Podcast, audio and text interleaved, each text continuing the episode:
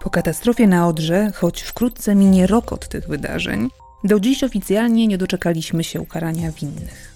To jeden z najbardziej dobitnych, ale przecież nie jedyny przykład tego, jak my, jako kraj, podchodzimy do rozliczania przestępstw przeciwko naturze. Wysokości kar za szkody wyrządzone środowisku co prawda rosną, a przynajmniej na papierze, w kodeksach. Ale co z tego, skoro większość wszczętych postępowań kończy się umorzeniem? Poza tym kuleje monitoring, straty są bagatelizowane, odpowiedzialność się rozmywa. Jak w przypadku Odry, gdzie winę za zatrucie rzeki i śmierć tysięcy istot zrzucono na złote algi, na upał, niżówki, zanieczyszczenia komunalne, a kopalnie, które jak wskazywał raport Greenpeace'u, najbardziej przyczyniły się do zabójczego zasolenia rzeki, w praktyce pozostały bezkarne. Czy gdyby rzeka miała osobowość prawną, a co za tym idzie własnych adwokatów, własnych rzeczników, sprawy potoczyłyby się inaczej? Mój pierwszy gość, Robert Rient, aktywista, pisarz, dziennikarz ze szklarskiej poręby i szaman, zapewne odpowiedziałby na to pytanie tak, bo to on zapoczątkował w Polsce debatę nad uznaniem Odry za osobę prawną i wystosował petycję do najważniejszych urzędów w kraju w tej sprawie. Pomysł z pozoru egzotyczny, ale jednak kuszący, znalazł zarówno krytyków, jak i popleczników. Do rozmowy nad konkretami włączyli się zarówno naukowcy, jak i prawnicy. Jak w praktyce miałoby to wyglądać? Czy możemy skopiować podobne rozwiązania z innych krajów? Kto miałby bronić rzeki? I czy na taki szczególny status zasługuje jedynie Odra? O idei nadawania osobowości prawnej przyrodzie, ale także, a może przede wszystkim, o wątpliwościach, pytaniach i problemach związanych z jej wdrażaniem, porozmawiam w drugiej części podcastu z moją kolejną gościnią, Karoliną Kuszlewicz, adwokatką i znakomitą ekspertką w zakresie prawnej ochrony zwierząt, przyrody i środowiska naturalnego. Wspomniana dwójka, choć w tej dyskusji oboje stoją po jednej, moglibyśmy powiedzieć, tej zielonej stronie, prezentuje nieco odmienne podejścia. Cytując klasyka, ściera się tu trochę mędrca szkiełko i oko z duszą romantyka. Które z nich będzie Wam bliższe? No bardzo, bardzo jestem tego ciekawa.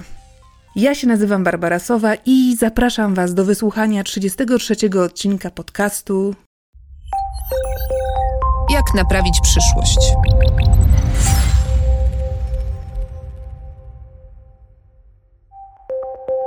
Gdy nagrywam dla Was dzisiejszy odcinek, Marsz dla Odry, czyli inicjatywa nieformalnej grupy wolontariuszy z plemienia Odry, założonego przez Roberta Rienta, zbliża się powoli do końca.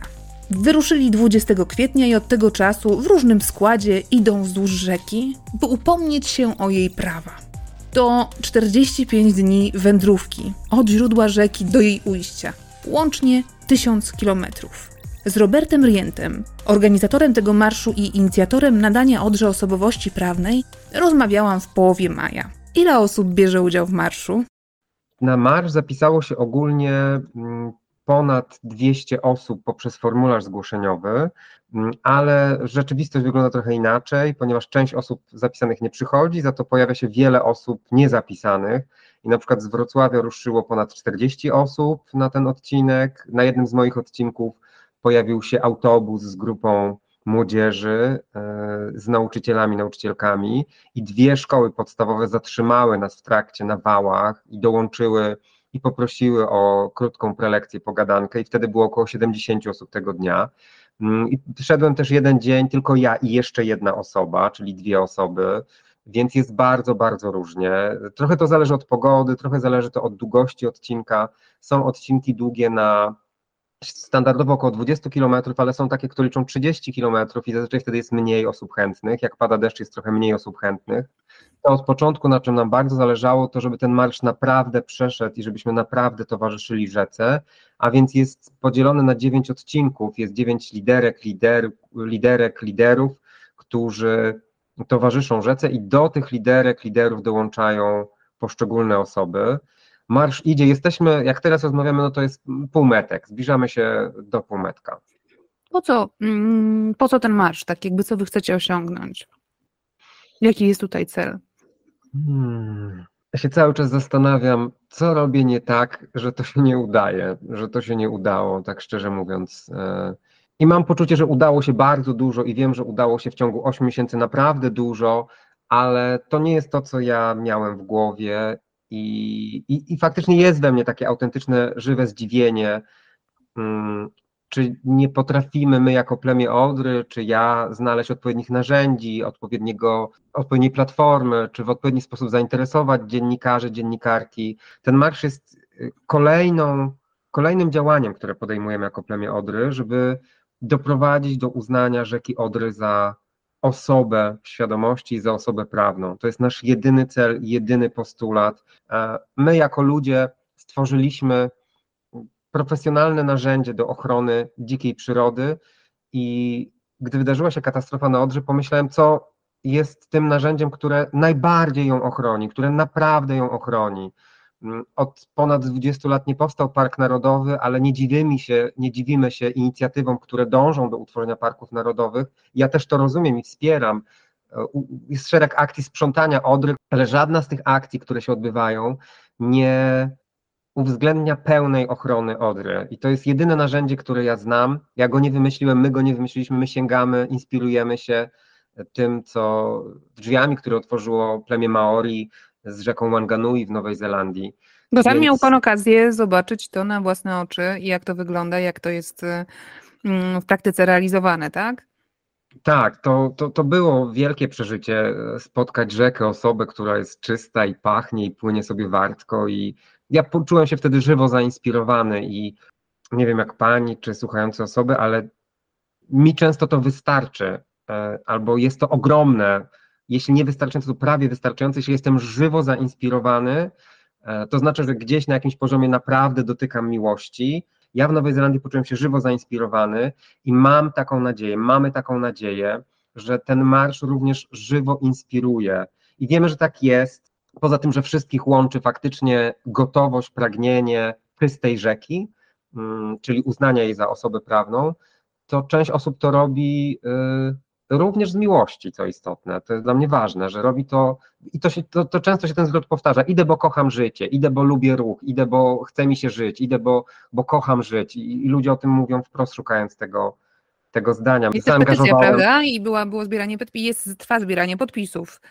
Dokładnie, dokładnie. Petycja, e, no nie, mocno forsujemy może tę petycję, bo ona przede wszystkim służy takiemu celowi pokazania, ile nas jest, e, a nie, nie chcemy z tą petycją, to nie jest petycja do projektu obywatelskiego, więc nie mamy jakby konieczności zebrania określonego limitu i w inny sposób zbiera się te podpisy oczywiście. Teraz jest ponad 12 tysięcy. No i 12 tysięcy to jest tłum, który jeśli stanie obok siebie, to jest spory, tłum, ale no, ja myślę o milionie e, osób i dziwię się dlaczego. No właśnie, i tutaj myślę gdzieś brak pewnie umiejętności, możliwości albo gotowości po drugiej stronie, jakby przekazania, że jest takie narzędzie, że w Hiszpanii słonowodna laguna Mar Menor dostała osobowość prawną we wrześniu minionego roku, bo ponad 600 tysięcy ludzi poparło ten projekt. Jestem przekonany, że taka liczba ludzi, również w Polsce, otwiera drzwi do już konkretnych negocjacji z rządem, albo przynajmniej e, no jest taką masą, którą trudniej zignorować niż, niż ignorować nas.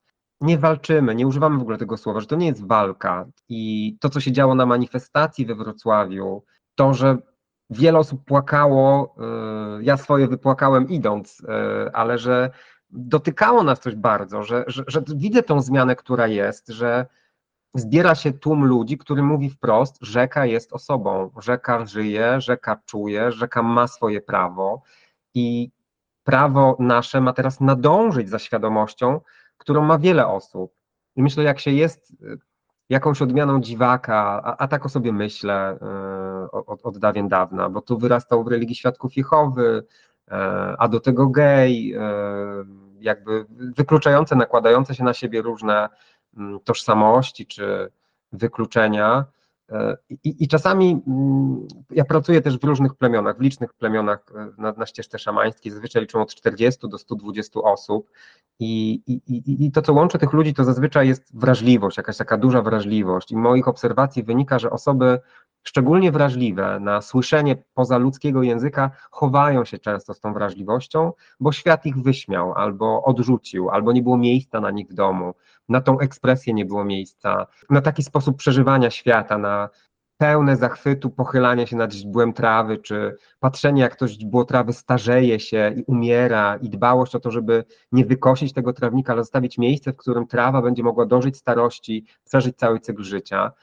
E, I mam wrażenie, że to się zmienia teraz w naszym świecie, że bo my, my, dla mnie to było wielkie osobiście, e, a to też nie jest ulubiona przeze mnie forma, żeby stać na rynku jakiegokolwiek miasta i mówić do ludzi, ale to się jednak wydarzyło, że w dużym mieście zebrał się tłum i śpiewaliśmy Jestem rzeką, a rzeka jest mną. Tylko teraz e, pytanie, dlaczego. Mm, no bo termin osobowość prawna i nadawanie osobowości prawnej mm, rzece, czy też w ogóle no, przyrodzie, to jest e, z punktu widzenia takiego zwykłego odbiorcy w Polsce jednak rzecz bardzo nowa, tak? Ona, to nie jest coś, co się, to się, to się pojawiło od niedawna, tak szerzej w mediach, tak? Więc pytanie, czy, mm, czy tu brakuje świadomości. To jest tak, że ludzie mm, trochę nie wiedzą za bardzo, z czym to jeść, trochę nie wiedzą o co chodzi, czy też być może, właśnie tak jak Pan wspomniał, e, gdzieś takie hasła spychają znowu do tego nurtu. U nas bardzo często się mówi o E, o aktywistach, przyrodnikach, który, którzy e, są zaangażowani w walkę na, na rzecz przyrody, jako ekoterrorystach, tak? I, i, I, bardzo szybko już są spychani wszyscy do tego jednego, mm, jednego narożnika i trochę wykluczani z takiej debaty, jako właśnie te, ci wariaci od przyrody. Tak, i myślę, że y, to jest ten chichot, który był na początku, którego jest coraz mniej, ponieważ prowadzę media profilu Osoba Odra i widzę, że tego chichotu jest coraz mniej, ale zaczynało się od chichotu, od drwiny, od śmiechu, że to jest pierwsza reakcja. I widzę też, co, co wyprawia nasz umysł, że wiele osób, nawet które czuje, że popiera ten pomysł, albo wydaje mi się na tyle intrygujące, żeby się nad nim pochylić, woli mówić na przykład osobowość prawna niż osoba rzeka, e, albo woli mówić istota e, niż osoba. I to jest trochę tak jak e, z żeńskimi końcówkami, w którym mamy do pokonania pewną mentalną barierę w głowie, a poza tym wydaje mi się jednak istotne, że rzeka w naszym rodzaju języka jest żeńska i myślę, że to pociąga na pewnym nieświadomym poziomie różnego rodzaju konotacje przyzwalające na określony sposób traktowania tego, co jest żeńskie, tego, co dodatkowo zasila i rodzi. A więc w jakiś sposób jest matczyne, od zawsze było karmiące, zbierało wokół siebie ludzi, tak jak często postać kobiety, matki, która przywołuje na świat, ale badania też mówią, że kobiety często odprowadzają, odprowadzają rodziców, odprowadzają teściów. No i rzeka y, jest u nas żeńska, więc ta, która zniesie, wytrzyma, płynie, jest. To, o czym pani mówi, to również myślę, że wpisujemy się w ten nurt czegoś dziwnego, ale również czegoś radykalnego. Jednak nie podejmujemy akcji na przykład nieposłuszeństwa obywatelskiego, bo tak wybraliśmy, czyli Robimy to niezwykle pokojowo, ale też niezwykle wprost, nie chowając się za narracją, która byłaby przyjemna dla um, kapitalistycznego czy patriarchalnego świata, tylko mówimy wprost. Jaka to byłaby mm, przyjemna narracja dla kapitalistycznego świata? No myślę, że to byłby taki język, taka nowomowa prawnicza, w którym mówiliśmy, że rzeka potrzebuje, żeby ją ochronić i właśnie może byśmy mówili, pisali o osobowości prawnej, E, a, a, a my bardzo akcentujemy to słowo osoba, niesiemy je na sztandarach, niesiemy je na plakatach, na transparentach i ja też mam poczucie, że mm, to, co my robimy, jest również formą spulchniania gleby, siania ziaren, z których ktoś inny będzie korzystał. Bardzo blisko jest mi, e, bliskie są mi korzenie głębokiej ekologii i, i szamanizmu, które, których naprawdę nie jest istotne, kto dokona tego, że Odra zostanie osobą prawną, tylko żeby to się dokonało. Więc e, ten język mówienia ma wielkie znaczenie i szczerze mówiąc, jak to się zaczynało, ja w ciągu tygodnia oddzwoniłem do wszystkich prawie znanych osób, które znam, bo miałem takie naiwne teraz widzę założenie, że jak porozmawiam z Kasią Nosowską e, i jak z profesor Urszulą Zajączkowską porozmawiam i jak, e, nie wiem, Natalię Przybysz wezmę i reporterkę Katarzynę Boni e, jeśli będzie Daniel Petryczkiewicz, który jest aktywistą i będzie Krzysiek Zalewski, to że te połączenie tych światów spowoduje, że ludzie pomyślą, wow, mamy narzędzie, hej, i viral, milion podpisów, miesiąc, osoba Odra jest. I mija ósmy miesiąc i nie ma. To jak odpowiadały osoby, z którymi pan rozmawiał? Ci, którzy nie wsparli, jakby nie, nie będę o nich mówił, nie, nie jest ich wiele, ale no pamiętam jak zadzwoniłem do Maćka Sztura i to było bardzo szybkie i zdecydowanie, tak, on otwiera ten apel, wypowiadając słowa e, skierowane do prezydenta, premiera, prezesa Rady Ministrów. E, praktycznie e, podobnie zareagowała i Kasia Nosowska i, mm, i Urszula Zajączkowska. Udało się też noblistkę namówić. I też mam takie poczucie, że nie musiałem jej wcale namawiać do idei, bardziej faktycznie przez wiele tygodni starałem się o, mm, o znalezienie przez nią czasu na, na głębszą, dłuższą rozmowę, ale z Olgą Tokarczuk e, rozmawiamy od samego początku tej inicjatywy i od samego początku e, od niej w mailach dostawałem takie informacje, że, że jestem z wami, że wspieram, że, że czuję to. Ale wiele z tych osób robiło to, co teraz robi szereg osób w mediach, albo znanych osób, albo osób zainteresowanych rozwiązaniem kryzysu klimatycznego, czyli obserwują, czają się, słyszę szepty naiwne, E, komuś nie pasuje moja postać, związana bardzo silnie z szamanizmem, która odeszła od dziennikarstwa i pisania na rzecz czegoś, co często nie jest poważane lub zrozumiane w naszym świecie. Dla mnie to była jakby rozmowa z prawem bardzo mocno, ponieważ ja nie jestem prawnikiem, więc potrzebowałem rozmawiać z mecenas Karyną Kuszlewicz, z profesorem Jerzym Bielukiem, z innymi prawniczkami, prawnikami też rozmawiałem, e, żeby się dowiadywać. I też wyszedłem w pewnym momencie z roli E, służalczej wobec prawa, rozumiejąc, że to my stworzyliśmy to prawo, my je określamy, że ono podąża za człowiekiem, że prawo jest zbiorem słów, e, które mogą nam służyć lub nie. A skoro o prawie, no to właśnie i jak, bo to jest to pytanie chyba, które zawsze konkretyzuje mm, pewne nowe idee, mm, y, być może mało znane rozwiązania, tak? A tak jest przecież z, z osobą prawną, z osobowością prawną. Jak to zrobić konkretnie? Na szczęście bardzo prosto. Projekt ustawy to są niecałe dwie strony A4 mm, i jakoś zależało i Jurkowi Bielukowi, mi również, żeby to było proste, Projekt jest inspirowany, wzorowany na dobrych praktykach. Najważniejszy jest artykuł, który mówi, że Odra otrzymuje osobowość prawną. Co to oznacza, nie? Jakby tak, tak. w, w, w mhm. praktyce. To oznacza ogrom pracy, który musimy wykonać w społeczeństwie polskim, żeby była jasność, e, bo mogłoby się wydarzyć tak, że osiągnęliśmy cel, o który nam chodzi i Odra otrzymała osobowość prawną, e, ale na przykład jej reprezentacją, reprezentantem Odry są wody polskie. Czyli nie dzieje się nic, nie zmienia się nic i mamy symboliczne rozwiązanie, ale nam nie chodzi tylko o symboliczne, nie chodzi nam również o medialne zamieszanie, bo mieliśmy taki pomysł, e, mamy możliwość, mielibyśmy możliwość poprzez znajome polityczki, polityków złożyć tę ustawę do Sejmu, do Senatu, e, kilka minut odrzucona, no ale media chwyca, chwycą, bo media lubią chwytać takie rzeczy. Myślimy, że nie, nie o to nam chodzi. Ale już odpowiadając na pytanie, o co nam chodzi. No więc e, głównym celem jest faktyczne po pierwsze Odra uzyskuje osobowość prawną, mm, to nie, po pierwsze nie znaczy, staje się człowiekiem, nie zyskuje praw człowieka.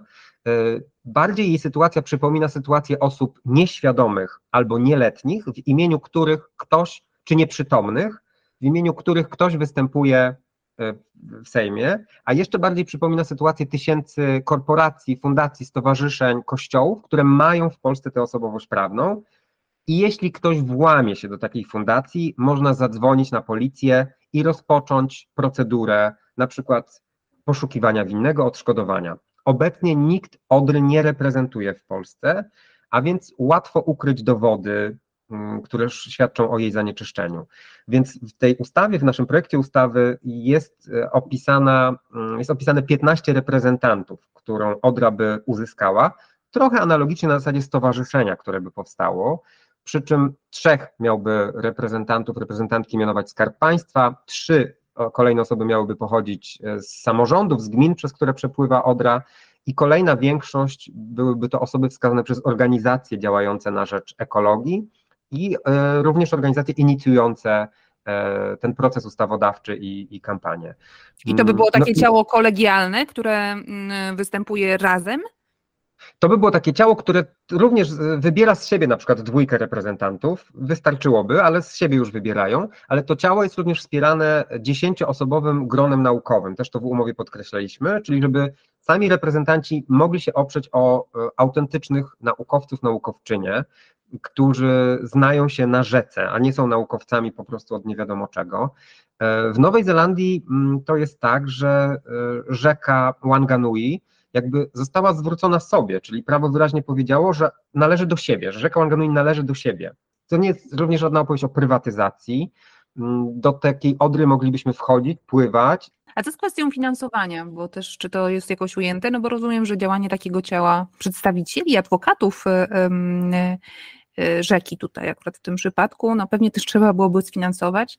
Mm, ja pamiętam też czytałam w jednym z opracowań w jednym z e, takich komentarzy pytanie o to, czy, czy, czy ta kwestia nadania osobowości, oso uznania, że ktoś jest, że rzeka będzie osobą prawną, nie rodzi za sobą mhm. też konieczności uznania um, roszczeń, takich e, w sensie, że, że nagle nie wiem, no, rzeka się wyleje i powodując jakieś straty, a skoro ma tą osobowość prawną, jest osobą, to będzie teraz można ją pozwać, kogo pozwać. Hasło osobowość prawną, znaczy osoba prawna, ono super brzmi. Urzeczywistnienie idei, której, o której my myślimy, że, że, że jest takim trochę kluczem, rozwiązaniem problemu, tak? Zwłaszcza no, po ostatniej katastrofie myślę, że wielu, wiele osób, nie tylko tych, o których Pan mówi, takich, które mają bardzo bliski kontakt z naturą, rozmawiają z naturą, y, ale też szerzej, no, osób, które po prostu przejmują się tym, co się, co się dzieje z ich otoczeniem naturalnym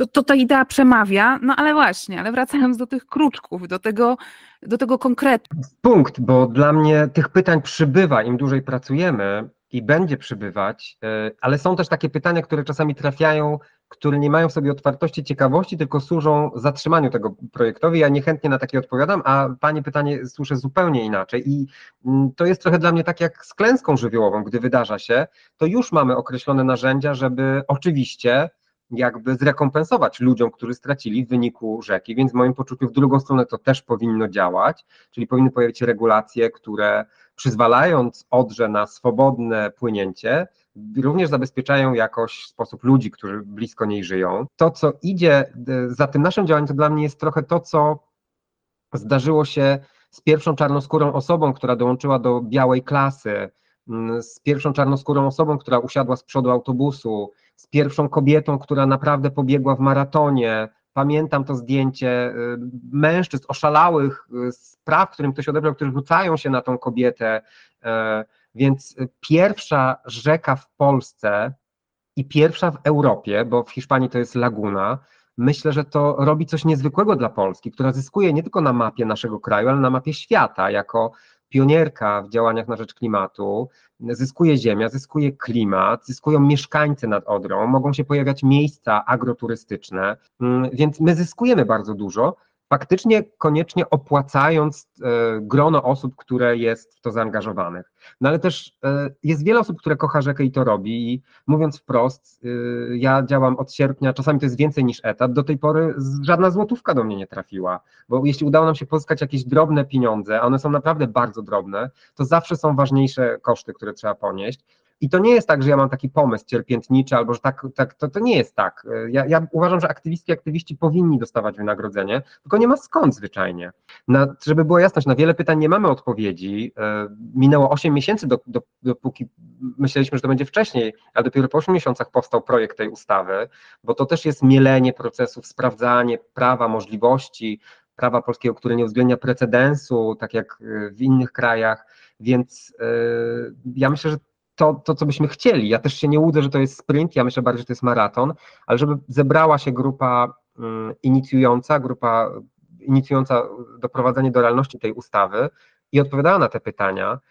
Ja na koniec jeszcze chciałabym zapytać o to, bo to też nie jest takie proste i myślę, że może budzić różne dyskusje. Jakby jak określić, czym jest interes rzeki? No, skoro nadajemy mm, tą osobowość, uznajemy rzekę za osobę prawną, no, po to, żeby występować w jej interesie, no to też musimy określić, czym jest ten interes rzeki. I to jest idealne pytanie i bardzo głębokie, i w moim poczuciu dobrze pamiętać o tym, że nauka kiedyś mówiła o tym, że Ziemia krąży wokół Słońca, i była nauka, która mówiła o tym, że pomaga upuszczanie krwi, jak ktoś choruje, i że nauka udzieliła nam wielu odpowiedzi. I ja często również, nawet nie doczytuję już teraz do końca, kiedy widzę, jak się zaczyna wywód naukowczyni, naukowca lub innej osoby, który mówi w imieniu rzeki albo zabiera głos w imieniu rzeki E, zabiera głos tłumacząc interes rzeki i rozumiem, że mm, żeby Odra została osobą prawną, musi być samorządna, to jest taki wymóg. E, definicja samorządności oznacza osobę zdolną do podejmowania działań we własnych interesie, czyli samodzielnych działań. Odpowiedź na pytanie, co jest w interesie rzeki, każdy może znaleźć, jeśli podejmie uczciwą próbę zapytania tej osoby, która jest w centrum naszej rozmowy i tej uwagi, czyli rzeki. Ale trzeba to zrobić uczciwie. Trzeba pójść nad rzekę i zapytać rzeki, jaki jest Twój interes. Ktoś, kto nie zrobi tego pytania, ktoś, kto nie zrobi tego gestu, mm, ktoś, kto pozostaje w umyśle, w naukach, w szkiełku, w księgach, e, nie spotyka się z osobą, o której chce mówić, albo z bytem, z przedmiotem, z rzeką, jakkolwiek już chcę ją nazwać na tym etapie. Ale to jest dla mnie niezbędny, absolutnie niezbędny krok.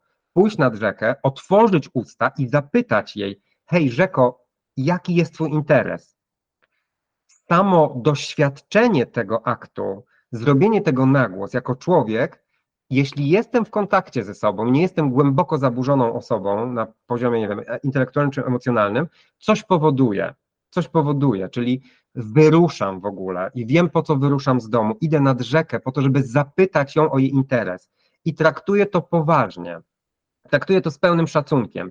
I umysł będzie szalał i podrzucał różne pomysły. Co ty wyprawiasz, o co chodzi, przecież rzeka ci nie odpowie, czy chodzi o werbalną komunikację, ale myślę, dopóki tego nie zrobię, to nie mam prawa mówić w imieniu rzeki, bo chcę mówić w imieniu tej, której nie spotkałem się, korzystając z najbardziej komunikacyjnie dostępnych mi narzędzi, czyli słów.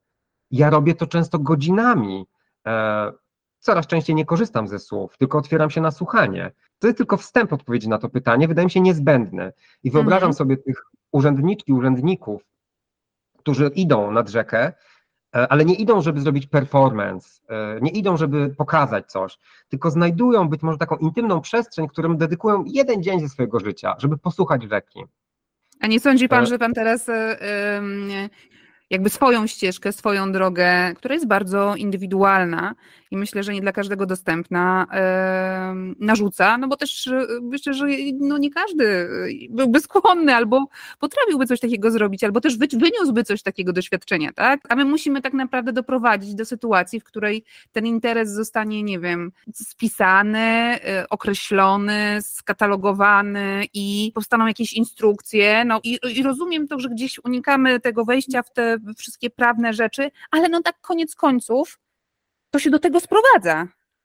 Koniec końców, tak jak pani powiedziała. I ma pani rację, nie wiem czy narzucam, ale na pewno bardzo intensywnie zachęcam, więc można powiedzieć, że trochę narzucam, ale robię to też świadomie, bo ja myślę, że my w zalewie tych samych narracji, w których mądrzy ludzie dyskutują o żywej przyrodzie, mamy już dosyć i potrzebna nam jest nowa, świeża narracja. A przy okazji to wcale nie jest nowa narracja. To jest narracja starych ludów ziemi, to jest narracja rdzennych plemion Ameryki Północnej, to jest narracja plemienia Shipibo, to jest narracja Dagarów z Burkina Faso. Ta narracja jest stara, do której ja tu mówię. To nie jest nic nowego. To jest narracja osób, które żyją w przymierzu z naturą. To jest narracja babci naszych często, to jest narracja starych Słowian. I ma pani rację, że ja trochę tutaj narzucam, ale to też jest obawa, może nie obawa, ale troska, która we mnie jest, że bez tego etapu, ja sobie w ogóle wyobrażam te narady i nad ustawą, w której wraca do mnie ten obraz, jakimś cudem, przywilejem jestem w tej grupie i mogę zabierać głos i przynoszę nagranie rzeki Odry i przez 15 minut tylko słuchamy szumu,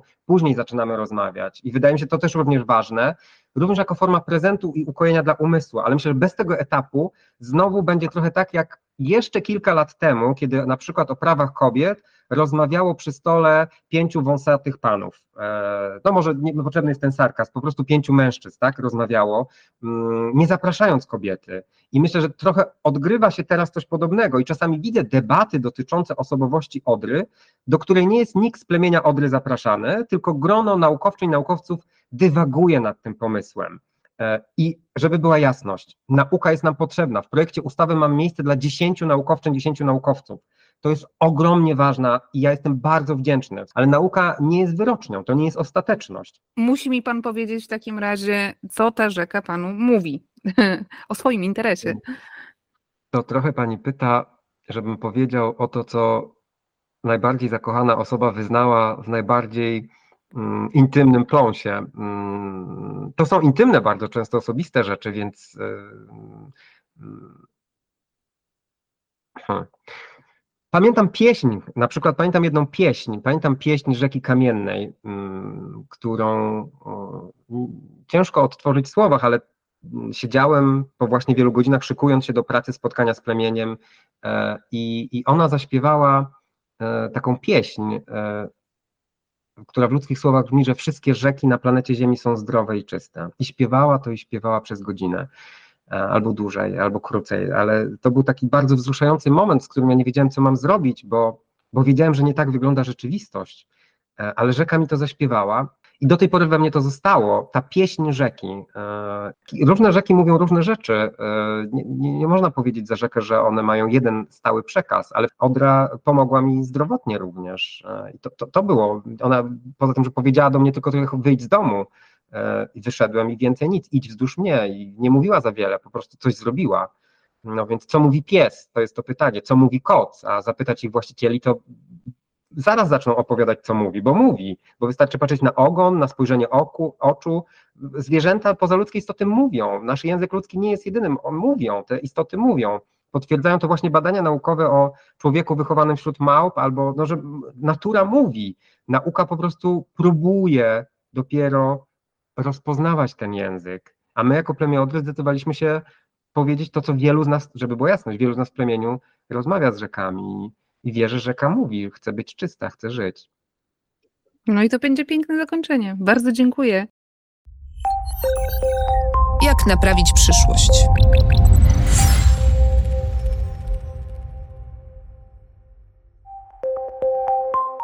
Robert Rient opowiadał o tym, jak wielkim przeżyciem była dla niego podróż do Nowej Zelandii i spacer wzdłuż rzeki Wanganui, której przyznano osobowość prawną w 2017 roku. Tym samym zakończono wtedy najdłuższy w dziejach tego kraju spór prawny, rozpoczęty jeszcze w 1873 roku, kiedy to Maorysi, rdzenni mieszkańcy Nowej Zelandii, zażądali nadania rzece statusu ich przodka. Ale Nowa Zelandia to oczywiście nie jedyny przykład. Według danych z 2021 roku prawa przyrody znalazły odzwierciedlenie już w prawie 40 krajach postaci przepisów konstytucyjnych, umów, traktatów, rozporządzeń, ustaw i orzeczeń sądowych. Posłuchajcie, co na ten temat ma do powiedzenia moja druga gościni, Karolina Kuszlewicz. Pierwsza była rzeka, z tego co ja, mm, z tego, co ja wiem. Oczywiście tam są próby na całym świecie dotyczące różnych elementów przyrody, ale rzeka i Nowa Zelandia była jednym z pierwszych państw. Teraz nie mogę sobie co do dat y, dokładnie zweryfikować, czy Indie nie wyprzedziły Nowej Zelandii. Natomiast Indie i Ganges wraz z jego dopływami, bo tam też była taka historia, Natomiast tamtejszy Sąd Najwyższy w końcu uznał, że mm, no to jest sprzeczne z ich jakby całym systemem prawnym, więc y, to w końcu jakby te regulacje obowiązywały przez jakiś czas, ale ostatecznie no, w praktyce przestały obowiązywać. Więc myślę, że tutaj takim pionierskim państwem y, jest Nowa Zelandia i rzeka. No więc pytanie, czy my w ogóle możemy na przykład rozwiązać to w taki sposób, że skorzystać z zapisów jakiegoś kraju, czy jest to niemożliwe? Czy jest jakieś takie rozwiązanie, które moglibyśmy wziąć i bardzo prosty sposób przekształcić, czy raczej nie ma szans, bo nasz system prawny jest zupełnie inny? Moim zdaniem nie możemy. Moim zdaniem możemy się inspirować samą jakby ideą wykroczenia poza to, kogo w takim sensie już znacznie szerszym niż kogo, czyli osoba ludzka, ewentualnie osoba zwierzęca. Dzisiaj zwierzęta nie mają podmiotowości e, prawnej, mm, ale jeżeli chodzi o taki czujący, bardzo zidentyfikowany, biologicznie czujący twór nazywany kogo, to wykroczeniem poza to, poza to kogo E, na istnienie biologiczne, no ale w takim zdecydowanie szerszym zakresie. I, to, I tutaj te przykłady, Nowa Zelandia, Kanada, Hiszpania, pokazują nam, że e, no, gdzieś na świecie zdarzają się te przypadki, kiedy rozkruszono tę bardzo taką e, skostniałą, e, konserwatywną postawę wobec tego, jak się rozumie podmiotowość prawną, bo my tutaj mówimy o jakby dwóch warstwach. Z jednej strony mamy taką warstwę właśnie, mm, warstwę pragnienia ludzkiego, bardzo pięknego, żeby ta rzeka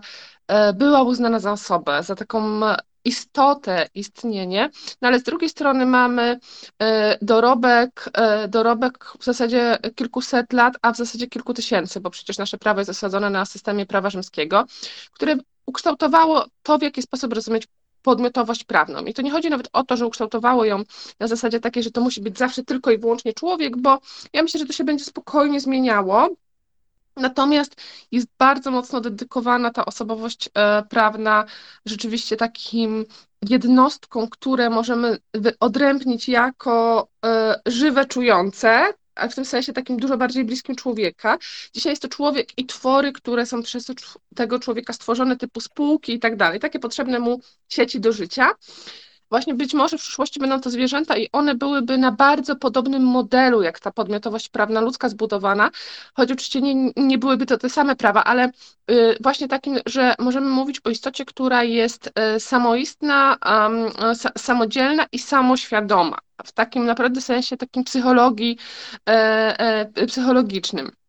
Natomiast e, w, w, z rzekami y, no tych kryteriów nie możemy, jeżeli chodzi o kryteria naukowe, to nie możemy ich tak prosto przełożyć. Oczywiście można powiedzieć, że rzeka jest wspaniałą, samostanowiącą i samodzielną istotą. Ja z takiego punktu widzenia mojego podejścia do rzeki zdecydowanie tak uważam. Można też powiedzieć, że rzeka jest samoświadoma, natomiast nie będzie to absolutnie ta sama świadomość, która jest tym punktem, który stawał się e, w całej historii mm, przesłanką do tego, żeby uznawać, że dany kolejny podmiot, no tutaj akurat ludzki, w obrębie ludzkim, zasługuje na tą podmiotowość. Tak było zresztą z niewolnictwem i znoszeniem niewolnictwa pierwszymi sprawami w Stanach Zjednoczonych, kiedy rozmawiano o tym, że ta osoba, która jest niewolnikiem, przecież jest samoświadomą i samodzielną osobą wyodrębnioną, więc ona musi mieć podmiotowość. A te przykłady, które płyną nam, zwłaszcza właśnie z Nowej Zelandii, Kanady, najgłośniejsze.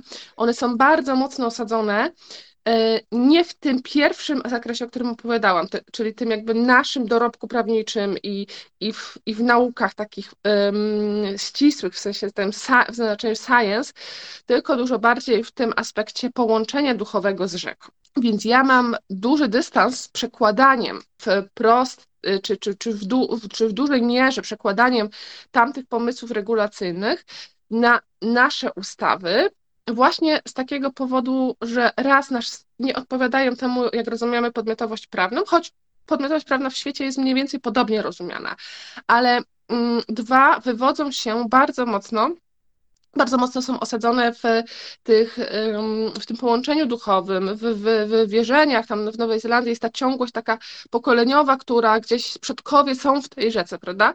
I my takiej tradycji w Polsce nie mamy. Więc uważam, że to w ogóle byłaby pułapka, gdybyśmy przenieśli zbyt mocno sobie te, to rozumienie podmiotowości, właśnie to takie, w której wywodzimy samoświadomość pewnego duchowego połączenia grupy ludzi z rzeką, bo myślę, że to by po prostu było kompletnie niezrozumiałe w, w kontekście powszechnego prawa. Prawo musi być taką czymś, co wpisuje się w przeciętność społeczną i my tej kultury w sobie nie nosimy w Polsce. Jakkolwiek ja jestem osobą, która jest absolutnie zakochana w rzekach, rzeki są moimi towarzyszkami. Ja też odczuwam ból Odry, ale z drugiej strony y, mówię z miejsca takiej prawniczki, która myśli o tym, że ten system prawny musi być uporządkowany i że istnieje pułapka taka, że możemy trochę za bardzo wykręcić tą podmiotowość prawną przy takim prostym przenoszeniu, a tym samym zaszkodzić w zasadzie e, tej idei, bo może, bo ona potem będzie narażona na mnóstwo mm, takich wytyków, że to jest właśnie na przykład oparte e, na osobistym przekonaniu takim duchowym pewnych osób, a nie jest czymś, co wynika z powszechnych wartości w, w naszym państwie. Ja mam na przykład w ogóle ogromną wątpliwość, czy powinniśmy podmiotowość prawną Mm, definiować, osadzać, w ogóle y, też mam dystans do tego, co zrobiła Kanada i, i, i Nowa Zelandia, choć uwielbiam to, że poszerzyli myślenie o podmiotowości, to jest super ważne, ale właśnie tam to jest bardzo mocno związane też z tym aspektem duchowego połączenia, czyli tam jest wybrana rzeka jakby y, punktowo. To nie jest powiedzenie, wszystkie rzeki są wartością, bo są samodzielne, samoistne i, i można uznać je za istotę, tylko ta rzeka konkretna ma dla nas głębokie znaczenie, bo jesteśmy z nią połączeni. I to się zbliża tak naprawdę bardziej do takich uczuć człowieka, mm, ochrony uczuć człowieka, poprzez które chroniona jest rzeka. A dla mnie ideałem byłoby uznanie, że rzeka jest wartością samą w sobie i nie są potrzebne te duchowe połączenia. Nie każdy je ma indywidualnie i osobiście i przeżywa. Natomiast ja w ogóle często jestem skarżona, że jestem taka zimna w tym, ale, ale ja w ogóle mam bardzo duży dystans do tego, żeby wplatać elementy duchowości, osobistej emocjonalności w system prawny. Myśmy bardzo długo o tym rozmawiali z panem Robertem, no bo y, y, z racji tego, czym się pan Robert zajmuje, on y, dużo mówi o tym, że, że rozmawia z rzeką, że, że jest no właśnie o tym takim metafizycznym, duchowym połączeniu. Myślę, że rzeczywiście, żeby to stało się powszechnie akceptowalne, no jednak trzeba wyjść poza ten poziom. Nie wszyscy mogą rozmawiać z rzeką, nie wszyscy są w stanie wejść na ten poziom takiego właśnie kontaktu z przyrodą, prawda? A mam wrażenie, że u nas jednak e, ta większa część społeczeństwa nie za bardzo wie, z czym to się je i trochę trochę to wszystko wrzuca do takiego worka ekowariaci, w cudzysłowie oczywiście, ale pytanie, jak to, jak to zmienić? Przede wszystkim ja bym mocno stroniła od tych łączenia, łączenia się z tymi aspektami duchowymi z bardzo wielu powodów. Uważam, że to jest po prostu szkodliwe generalnie dla prawa, choć no, tak jak podkreślam, moja duchowość z przyrodą myślę, że jest coś ponadprzeciętnie rozwinięta i ja też rozmawiam z rzeką i codziennie mówię Wiśle dzień dobry i w ogóle dzień bez rzeki jest dla mnie trudnym dniem.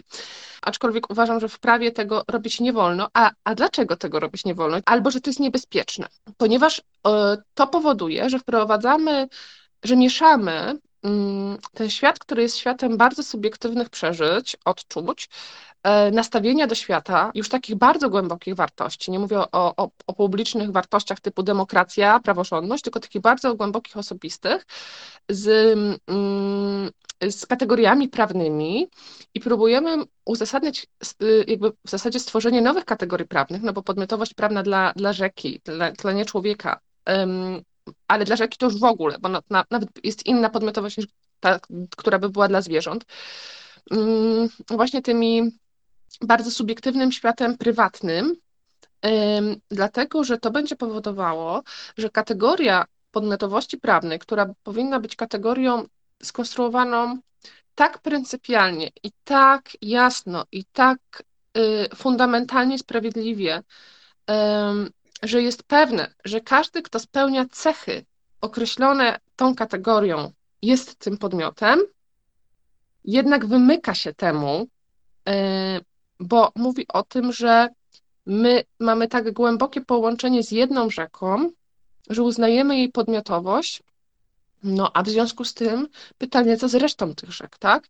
I to jest dla mnie bardzo niebezpieczny moment z punktu widzenia w ogóle systemu prawnego, bo ja uważam, że jeżeli rozmawiamy o tak gigantycznym, o tak gigantycznej rzeczy jak poszerzenie podmiotowości prawnej, co jest w ogóle naprawdę wspaniałe i strasznie tego potrzebujemy e, e, na świecie, to, to musimy to zrobić w sposób taki no niezwykle odpowiedzialny i trochę z odwagą, ale też z bardzo dużą ostrożnością i pokorą wobec tego systemu, skostniałego systemu prawa, ale on też musi być w pewien sposób skostniały, znaczy on musi być pewny, czyli ja bym chciała takiego systemu, w którym debatujemy długo. Tego się nie da zrobić szybko. To są moim zdaniem, to są procesy na lata i Odra tu jest taką inspiratorką, tak? I jakby grupa osób, która wokół Odry się zgromadziła i robi fantastyczne rzeczy, właśnie pokazując tą, tą wrażliwość i, I ta wrażliwość może być napędem do zmian prawnych, oczywiście. I ja bym chciała, żebyśmy rozmawiali i rozmawiali i rozmawiali i doszli do wniosku, e, czy E, osobowość prawna Odry, idąc dalej wszystkich rzek, e, przełoży się na ich zdecydowanie lepszą ochronę, to jest jedna z furtek, która mogłaby tą ochronę wzmocnić przez to, że dawałaby bezpośrednią reprezentację, możliwość bezpośredniej reprezentacji w sądach, ale też mogłaby zapewnić powstanie urzędu, który bezpośrednio reprezentuje te rzeki. Czyli wyszlibyśmy z tej, z tej dziwnej sytuacji, w której ja na przykład jako adwokatka reprezentująca organizacje ekologiczne muszę w procesie sądowym, karnym, bo w administracyjnym jest łatwo, bardzo łatwo się dostać do sprawy, ale w karnym to ja muszę robić fikołki, przysiady i różne dziwne figury, żeby mnie tam w ogóle wpuszczono jako, y, jako pełnomocniczkę organizacji, która chce reprezentować interes rzeki. Mam taką sprawę e, przed sądem rejonowym we Włocławku i to trwało półtora roku, zanim w ogóle udało mi się przekonać sąd, że my tam możemy występować. Więc kogo pani tam reprezentuje? Ja reprezentuję Fundację Green Mind, a my działamy w związku ze zniszczeniami e, na Wiśle.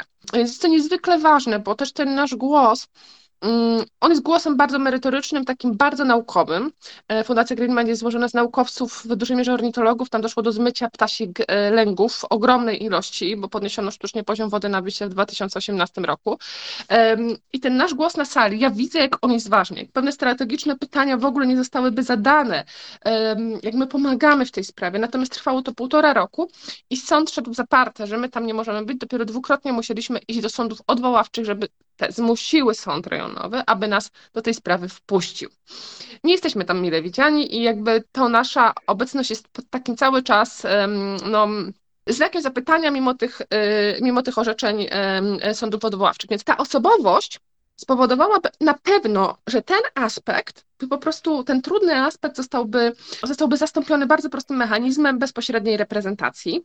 Tylko e, pytanie, e... przepraszam, że przerwę, tylko pytanie, czy byłby zastąpiony tylko w przypadku tej jednej rzeki, no której właśnie. dajemy osobowość, czy w przypadku także pozostałych rzek, rzek, no bo to jest jedno z jedna z takich wątpliwości, jedno z takich pytań do tego zmierzam. Jakbyśmy, bo to by mogło niewątpliwie w tym zakresie pomóc. Jeszcze, żeby to było pomocne, musiały być obudowane bardzo sensownymi, oczywiście, procedurami, prawami i tak dalej, bo samo powiedzenie, Odra ma osobowość prawną też nie załatwia problemów, ale uważam, że i to jest ten moment, w którym my się rozjeżdżamy, to znaczy ja jestem sprzyjającą, e, e, sprzyjającą sympatyczką e, w tego, tego projektu, co, w, który walczy o osobowość Odry, bo uważam, że robimy to po prostu pięknie, ale ja uważam, że nie możemy mówić o osobowości wyłącznie jednej rzeki, choć jest to dużo bardziej pracochłonne, choć jak słusznie przyznaje, wskazuje Robert Zient, nikt na świecie tego nie zrobił, ale to mnie w ogóle mało interesuje, że nikt na świecie tego nie zrobił, bo ja uważam, że tylko to byłoby takim porządnym podejściem do tego, jak mamy rozumieć podmiotowość prawną. Jeżeli chcemy uznać, że istnieją jakieś kryteria, jakieś cechy, które przesądzają o tym, że rzeka ma mieć podmiotowość prawną, to my musimy te cechy wyodrębnić. Myślę, że zrobić taki sztab ludzi, komitet i z udziałem y, społeczeństwa, i z udziałem przedstawicieli i przedstawicielek nauki. Osadzić to w kryteriach biologicznych, w kryteriach kulturowych, i stwierdzić, że są pewne cechy, które wskazują na to, że możemy uznać rzekę za osobę prawną. To jest bardzo trudne do zrobienia i naprawdę uważam, że to jest proces, w którym trzeba się przemielić, sprawdzić, czy jesteśmy na to gotowi, żeby do innego tworu niż taki pojedynczo wyodrębniony e, ten, ten z psychologicznego punktu widzenia tę osobowość miał wprowadzić ją ustawą i to powinno działać w taki sposób, że każda rzeka, która spełnia te kryteria, ma ten status. Bo w przeciwnym razie dla mnie ten system jest nietransparentny. Znaczy on będzie mówił, jeżeli to będzie dotyczyło jednej rzeki, to on będzie mówił o tym, że stosujemy kategorię prawną, rozwijamy ją i w zasadzie tworzymy nową kategorię prawną podmiotowości prawnej dla podmiotu pozaludzkiego, ale na takich niejasnych regułach, y, albo na, w oparciu o reguły, które wynikają z naszych pragnień głębokich, pięknych, ważnych i wartościowych, to będę zawsze podkreślać, ale jednak z naszych, i to nasze pragnienia przesądzą o tym, że kategorii, która powinna być obiektywna, przy, y, obdarzymy nią jedną punktową rzekę, i moim zdaniem to prowadzi do takiego ryzyka niesprawiedliwego y, i wadliwego y, podejścia do podmiotowości prawnej. I to jest oczywiście zarzut, który ja adresuję i do, e, i do Kanady, i do Nowej Zelandii, bo to są ważne, postępowe w kontekście jakby całego systemu i naszego myślenia mm, przejawy działań, ale wydaje mi się, że musimy do podmiotowości prawnej podchodzić niezby, niezwykle odpowiedzialnie, bo jakbyśmy sobie to mieli przełożyć na człowieka, no to, no to zobaczmy tą całą historię straszliwej znowu niesprawiedliwości i wykluczeń, tak? Jakby e, doszliśmy wreszcie tam po latach tak naprawdę, w, połowie XX wieku, że każdy człowiek jest równy i, i, i każdy, każdy rodzi się z przyrodzoną godnością. To jest jego cecha podstawowa i dlatego jest podmiotem prawa. I to wszystko. Wcześniej mieliśmy dzieci wyjęte, kobiety wyjęte, e, niewolników, e, tak, ludzi, którzy mają status niewolnika okrutny, wyjętych spod podmiotowości prawnej mm, i w których i zawsze były te mm, jakieś kryteria, czyli biały, mężczyzna i tak dalej, które wszyscy spełniali, a reszta nie spełniała. Mm, I, I trochę nie wyobrażam sobie takiej sytuacji, żebyśmy powiedzieli, ok, no to jak teraz myślimy na przykład o kobietach, no to to będą, będzie kilka kobiet, które, które, które są specjalnie na przykład zasłużone, a reszta nie. Mm, więc ja się po prostu tego w, te, w, w, tym najbardziej, najbardziej boję. To są takie lęki poboczne, bardzo z punktu widzenia systemowego wyrażone, ale wydaje mi się, że no, może możemy być pierwsi na świecie. E, ale to pociąga kolejny e, punkt, bo skoro rozmawiamy o rozszerzeniu takiej kategorii i nadawania e, osobowości prawnej nie jednej rzece, ale kilku rzekom, to dlaczego w ten katalog nie włączyć też innych obiektów przyrody? To dlaczego miałby nie, nadać, nie, dać, nie dostać tej osobowości prawnej, nie wiem, jakiś, jakaś puszcza, tak, szczególnie wartościowa, czy też mokradło, czy, no, prawda, bo możemy to tak. rozszerzać w nieskończoność. Tak, i to, jest, i, to jest, i to jest taka pułapka, ale wydaje mi się, że powinniśmy przejść przez tą debatę, e, troszeczkę się w niej poobijać i na koniec uznać, czy to rzeczywiście przynosi nam wymierną wartość i wy, wy, wymierną wartość tej przyrodzie, czy może powinniśmy stworzyć jeszcze jakąś specjalną kategorię w ogóle na przyrodę, ja teraz nie wiem, ale moim zdaniem chodzi o to w tym wszystkim, że chcemy oderwać przyrodę od takiego super e, antropocentrycznego myślenia, ja tak uważam, um, i wyodrębnić ją jakoś w systemie prawnym jako nie tylko zasób, tak, tylko jako istnienie, które, um, które my jesteśmy zobowiązani i, i chronić, za które my jesteśmy odpowiedzialni, a nie, które, a nie tak jak dzisiaj zbudowane są regulacje wskazujące na to, jak my możemy ich używać, bo nasze regulacje głównie na tym polegają. Więc być może to ostatecznie zaprowadziłoby nas do tego, być, ale może byśmy wypracowali jakieś kryteria, które by oczywiście ustalały tą granicę. Ok, jakby pewien, pewien rozmiar, pewna wartość biologiczna i tak dalej, właśnie przy udziale naukowców, być może udałoby się wyodrębnić takie cechy, które by za tym przemówiły, ale być może uznalibyśmy, że to pr prowadzi nas do jakichś niebezpiecznych punktów, po prostu uznamy, że po prostu wszystko, kamień, kanał i tak dalej będzie tą podmiotowość miało i ona się zupełnie rozmyje i straci wartość. I wtedy być może należałoby myśleć o właśnie jeszcze jakiejś innej kategorii dla przyrody, jako czegoś, co nie jest typową właśnie taką istotą w sensie psychologicznym, nauk psychologicznych, ale jest istnieniem, być może kategoria właśnie istnienia, tak?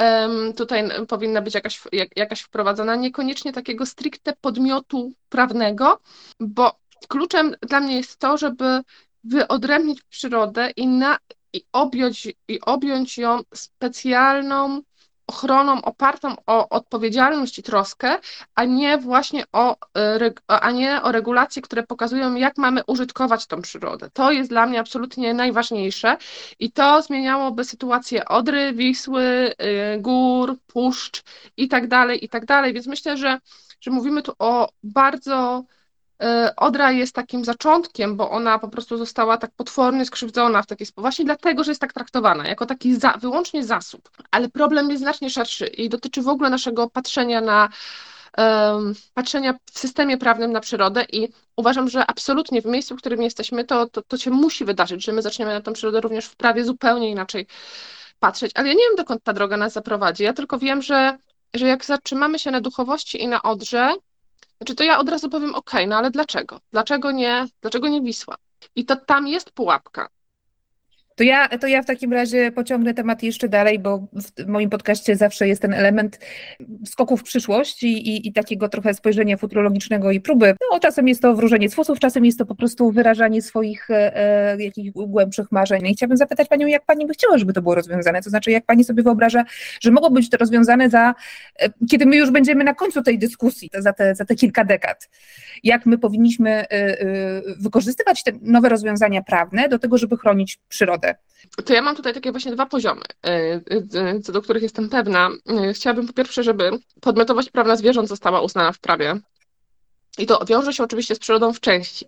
Zwierzęta, to, zwierzęta są też i, i gospodarskie, i towarzyszące, więc one jakby tutaj niespecjalnie, natomiast chociaż też, no bo e, już, e, już zwierzęta gospodarskie, których trzymanie, e, trzymanie w jakichś zamkniętych po prostu straszliwych pomieszczeniach w, w hodowli przemysłowej byłoby niemożliwe, gdyby one były podmiotami, a tym samym niemożliwa byłaby dewastacja przyrody i środowiska, to są ze sobą jakoś tam powiązane zjawiska, ale też zwierzęta, które są dzikie, mm, są podmiotami, więc ta ryba w rzece też jest podmiotem podmiotem, tak? I jakby tutaj zyskujemy tą bezpośrednią reprezentację i tutaj, i tutaj nie mam wątpliwości, że to można byłoby zrobić w taki sposób bardzo właśnie transparentny, bo określilibyśmy właśnie za pomocą kategorii naukowych dotyczących tej świadomości doznaniowej, że te zwierzęta są podmiotami, więc to jest jedna rzecz. A druga rzecz. Czy to by oznaczało, przepraszam, e, koniec na przykład myślistwa? Mm, no myślę, że e, myślę, że tak. W takim kształcie na pewno. Być może trzeba byłoby Mm, podmiotowość prawna zwierząt nie oznaczałaby tego, że człowiek przestaje być w pewnych sytuacjach chroniony, na przykład konfliktu ze zwierzęciem, tak? Natomiast zdecydowanie by radykalnie podnosiłaby ich rangę i, i zmuszałaby do tego, żeby na zasadach przynajmniej takich e, równych szans to rozpatrzeć. Więc mm, wyobrażam sobie, że być może musiałaby istnieć pewna taka służba wyspecjalizowana, która w ważnych momentach by reagowała, takich, takich już po prostu nie, nie, niezbędnych, takich, których się już nie da uniknąć. Natomiast to zmusza, zmusiłoby władze do tego, żeby podejmować wszelkie inne starania, żeby podmioty miały zapewnione możliwość swobodnego bytu, a tam, gdzie mm, i tak kreować, i tak, i tak też oddziaływać na zachowania ludzkie, żeby na przykład tych zwierząt e, nie dopingować do rozmnażania. No to dzisiaj się dzieje ze zwierzętami dzikimi, prawda? One są dokarmiane, wysypywane są po prostu jakieś tony buraków, marchwi i tak dalej. Więc e, raczej zmuszać ludzi do tego, żeby e, i wprowadzać takie przepisy, które nasze zachowania korygują w taki sposób, żeby ta przyroda mogła się równoważyć. I myślę, że wtedy w ogóle e, panowie z brzuszkiem i flintą nie mieliby co robić, zwłaszcza, że oni też tak naprawdę nie, nie są tam po to, żeby jakoś specjalnie cokolwiek regulować, już posługując się ich, ich, ich słownictwem, tylko tylko jest to niestety rodzaj pasji przedziwnej bardzo często. A w kontekście już takiej przyrody, przyrody, tak, mm, to myślę, że, ale teraz mówię na gorąco, bo ja a to jest bardzo dobre pytanie, bo zawsze to jest, to jest niezwykle wygodna pozycja bycia krytyczką, e, nawet konstruktywną, ale zadawanie sobie pytania, ok, to co w zamian, to jest już zdecydowanie wyższy poziom. Więc na gorąco mówiąc, i to może być pełne niedoskonałości, e, wyobrażam sobie, że powinna e, istnieć ustawa o reprezentacji przyrody. Mm, w w, z taką, z wielkim znakiem zapytania, czy my do tej ustawy potrzebujemy tą podmiotowość wprost, czy nie potrzebujemy, um, bo reprezentacji, w tym, w tym kontekście dla mnie reprezentacja jest czymś najważniejszym. Ustawa o reprezentacji przyrody, um, i, um, która to ustawa mówi o tym, że tworzy się właśnie specjalny urząd specjalnych pełnomocników, coś, co jest finansowane przez państwo i jest ogromną, dobrze funkcjonującą machiną, taką jak w czasach, w których działa demokracja i praworządność, jest na przykład Rzecznik Praw Obywatelskich, tak? E, państwo e, finansuje wszystko od gmachu przez pracowników, działania, e, sprawy sądowe i jest to urząd, który nie tylko występuje w sprawach sądowych, ale i administracyjnych przyrody, ale także w procesach decyzyjnych, w parlamencie. Jest urzędem, który, tak jak Rzecznik Praw Obywatelskich ma tam specjalne działania dotyczące na przykład monitoringu tortur, to to jest też urząd, który prowadzi monitoringi w, w kierunku e, nieniszczenia, nieniszczenia przyrody, czy nie nadużywania przyrody, tak? Nie przekraczania granic jakby używania przyrody. Myślę, że tutaj trzeba byłoby wprowadzić zdecydowanie właśnie nowe kategorie, które mówią o granicach przyrody, tak? Wyznaczają jakby, e, pokazują jak dokąd może sięgać e, w, w, używanie przez człowieka, a gdzie absolutnie my mówimy nie i to jest taka granica. I to byłby urząd, który by tego pilnował i miałby prawo do reprezentacji, również miałby inicjatywę legislacyjną, mógłby wnosić ustawy. Mm, Czyli taki rzecznik praw przyrody. Tak, tak, tak, tak, tak. I do tego w, i z tym urzędem musiały być powiązane. I to tak samo dotyczy, nawet teraz, kiedy rozmawiamy o, o, o tym projekcie dotyczącym podmiotowości e, prawnej Odry, to żadna reprezentacja przy e, niedziałającym całym systemie nie zadziała. E, żadna osobowość żaden urząd nie będzie będzie miał bardzo mało do zrobienia, jeżeli cały system nie będzie działał, jeżeli ci, którzy są na przykład obowiązani do kontroli tego, co dzieje się, takiej terenowej kontroli w przyrodzie, pracują od 7 do 15, a 18 nie kontrolują, w weekendy też nie kontrolują, więc mm, no ma jakieś tam systemy alarmowe, ale to po prostu nie działa. No. Na tej Wiśle, mhm. w której ja występuję, tam było tyle alarmów po prostu, że zmiecie, że dojdzie do takiej szkody środowiskowej i też do, do zniszczenia tych, tych ptasich lęgów. Że te ptaki ucierpią. Mm, I Regionalna Dyrekcja Ochrony Środowiska po prostu nie zrobiła nic, po prostu nie zrobiła nic. To jest niesamowite. Jak ja jestem na tej sali i to czytam, dlaczego nikt nic nie zrobił? Wszystkie urzędy wiedziały i nikt nic nie zrobił, nikt się nie czuł kompetentny. Mm, to jest oczywiście za tym stoi człowiek, ale ale ja bym nie, nie zwalała wszystkiego na człowieka. To znaczy, jakby system po prostu e, nie działa, jest źle pomyślany, e, więc musielibyśmy stworzyć system, który jest systemem towarzyszącym tej reprezentacji. To znaczy, jest to system ochrony służący przyrodzie, a nie system y, ochrony, który jest y, wtórny, czyli jest wypadkową tego, że pozwalamy na niszczenie tej przyrody. Więc tak bym to zbudowała reprezentacja plus bardzo silny system jakby t- taki ochronno-monitoringu, monitoringujący. Myślę, że, e, że to by zdecydowanie zmieniło standardy, no i pozwoliłoby nam też na rozciągnięcie tego na wszystkie E, aspekty ochrony przyrody. Oczywiście ten urząd podejmowałby decyzję, tak jak e, RPO podejmuje decyzję, czy ta sprawa jakby jest warta zainteresowania, czy nie, musi też decydować, bo ma mnóstwo spraw i mm, w, czy musiał decydować, bo te, no teraz RPO jakoś jeszcze działa, na szczęście nie, nie, nie tak źle, jak chyba się obawiałam, że, że musi priorytetyzować sobie te sprawy. No ale to byłby na pewno nowy standard i, i ja się sama dziwię, bo zawsze z, z, przez lata byłam taką buntowniczką prawniczą i chciałam ten po prostu system wywrócić do góry nogami, no ale już jestem teraz starsza i wiem, że ten system musi być bardzo pewny i bardzo stabilny, więc podchodzę do jego wywracania z takim mm, też taką pokorą po prostu do niego. Jak naprawić przyszłość?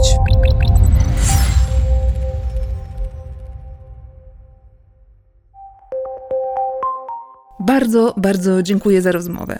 A Wam, moi drodzy, dziękuję za wysłuchanie do końca. To był 33 odcinek podcastu Jak naprawić przyszłość. Ja się nazywam Barbara Sowa i na kolejny odcinek zapraszam, jak zawsze, co miesiąc.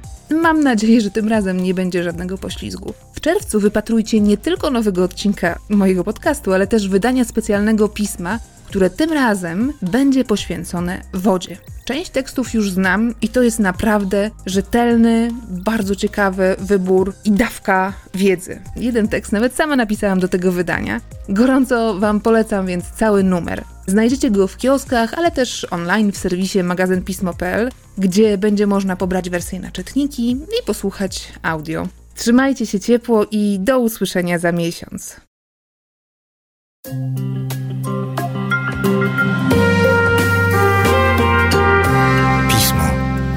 magazyn opinii.